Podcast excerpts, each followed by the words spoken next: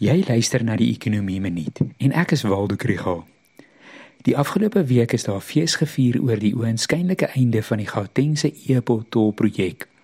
In die mini-begroting het die minister van Finansies aangekondig dat die nasionale regering en Gautengse provinsiale regering die skuld en renteverpligtinge oorneem en dat instandhouding van die snelwegnetwerk in die toekoms deur die provinsie gefinansier word met tolgeld of ander bronne.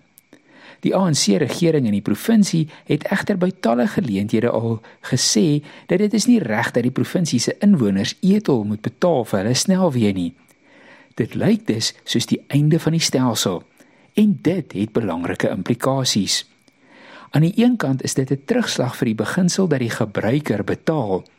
Stedelike snelweë is nie openbare goedere wat uit die staatskas voorsien hoef te word nie. In ekonomie sê ons dit is mededingend in verbruik omdat meer voertuie op die pad 'n koste het in terme van tyd wat vermors word in verkeersopeenhopings en omgewingsbesoedeling. Tegnologie maak dit moontlik dat die gebruikers daarvoor betaal. Aan die ander kant was die etolstelsel 'n emosionele vraagstuk. Gautengers het gevoel hulle was nie geraadpleeg nie en daar was ongeruimthede met die proses en dit is 'n onregverdige las om te dra.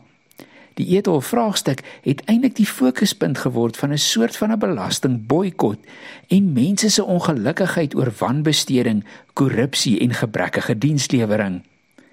Oor die volgende jare wat word grootskaalse investering in infrastruktuur vereis om die ekonomie te laat groei. En in sommige gevalle gaan die gebruikers daarvoor moet betaal, anders gaan dit eenvoudig nie voorsien word nie. Die edelstelsel het gewys hoe belangrik dit is om mense te laat inkoop in die regering se planne.